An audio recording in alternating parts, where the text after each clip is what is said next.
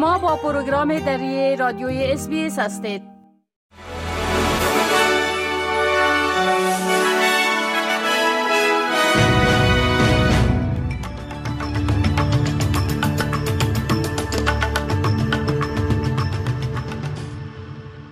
با عرض سلام من فضیلت تصمیم شما را به شنیدن مهمترین رویدادهای روز دعوت می کنم. یک شورای شهری سیدنی به برافراشتن بیرق فلسطین تا زمان اعلام آتش بس در غزه تصمیم گرفته است. این طرح به رهبری حزب کارگر در کنتربری و بنگستاون یک شورای بزرگ که نماینده یک چهارم مسلمانان در سیدنی است تصویب شده است. کارل ساله از شورا می گوید که بیرق فلسطین در اتاقهای شورا و همچنین یک پارک محلی در حال حاضر به احتزاز درآمده. او افزود که این تنها یک ابتکار کوچک است. یک گام کوچک برای همدردی با مردم فلسطین. این پیامی است که نه تنها برای سایر مشاوران بلکه برای شوراهای دیگر و حکومت استرالیا می رسد. او می گوید که امیدوار است دیگران از آنها پیروی کنند. This is only a small initiative, a small step of compassion for the Palestinian people. This is a message saying not only for other councillors, not only for other council, but to, to the Australian government, federal این در حال است که شورای شهر رندویک در سیدنی برنامه های خود را برای برافراشتن پرچم فلسطین لغو کرد. دانیل روزنفلد مشاور محلی می گوید بسیاری در منطقه محلی و احساس می کنند که مناسب نیست پرچم فلسطین در شورای شهری برافراشته باشد.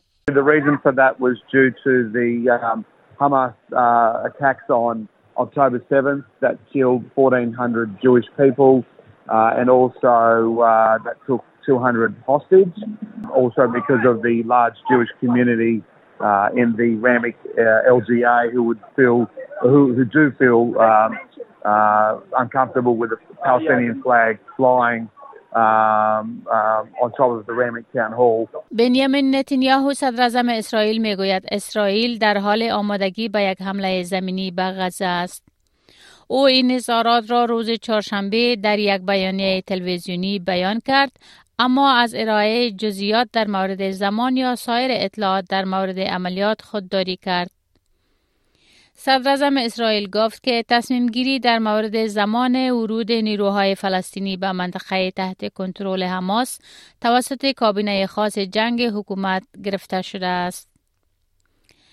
امانوئل مکرون رئیس جمهور فرانسه میگوید در حالی که از حق اسرائیل برای محافظت از اسرائیل حمایت می کند فکر می کند حمله زمینی می تواند اشتباه باشد If it's a massive intervention that endangers the lives of civilian populations then I think it's a mistake and a mistake for Israel too because it's not likely to protect Israel in the long term and because it's not compatible with respecting civilian populations International humanitarian law, and even the rules of war. درگیری های شدید در سه قاره تعداد پناهندگان را در جهان به بیش از 114 میلیون نفر رسانده است.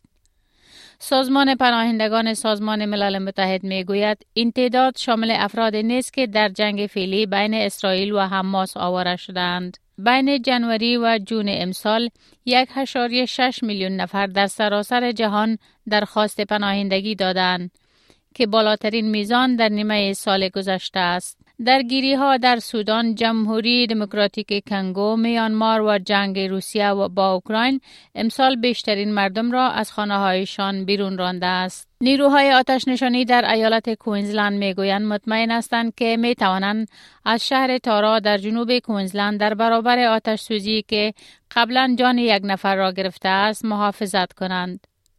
حدود 60 آتش سوزی در سراسر کوینزلند در اواخر روز چهارشنبه در حال سوختن بود و انتظار می رود در روزهای آینده برای مناطق مرکزی و جنوبی خطر آتش سوزی بالا و شدیدتر باشد.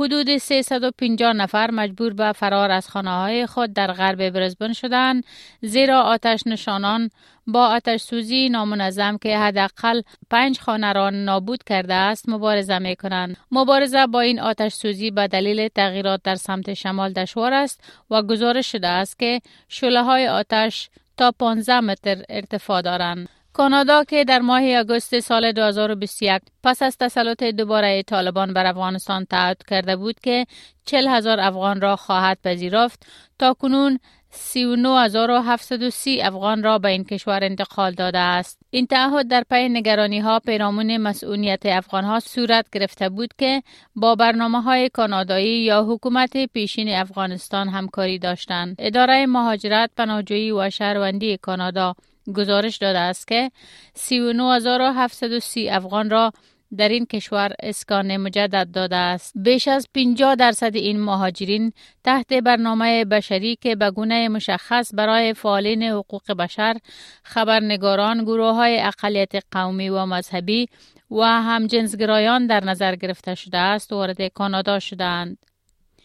بر علاوه آن دوازده هزار افغان دیگر که پیش از سال 2021 در افغانستان با حکومت کانادا کار کرده بودند از طریق برنامه خاص ویزای مهاجرت به کانادا انتقال داده شدند. حکومت کانادا حدود 615 میلیون دلار امریکایی را برای خدمات اسکان مجدد افغانها تخصیص داده که شامل حمایت درآمد 12 ماهه است که مصارف خانه، مواد غذایی و مراقبت های صحی را در بر می‌گیرد. در گزارشی از بی بی سی آمده است که به گفته منابع رسمی پاکستان حکومت بریتانیا پروازهای چارتر را برای انتقال پناهجویان افغان از پاکستان ترتیب داده است که از پنجشنبه 26 اکتبر آغاز گردیده و تا پایان ماه دسامبر ادامه خواهد یافت. بر اساس این گزارش دو طرف توافق کردند که تا پایان ماه دسامبر در دوازده پرواز بیشتر از دو هزار پناهجوی افغان از پاکستان به بریتانیا منتقل شوند. بنابراین روان تا ماه دسامبر سال جاری میلادی هر هفته یک پرواز به مقصد بریتانیا انجام خواهد شد.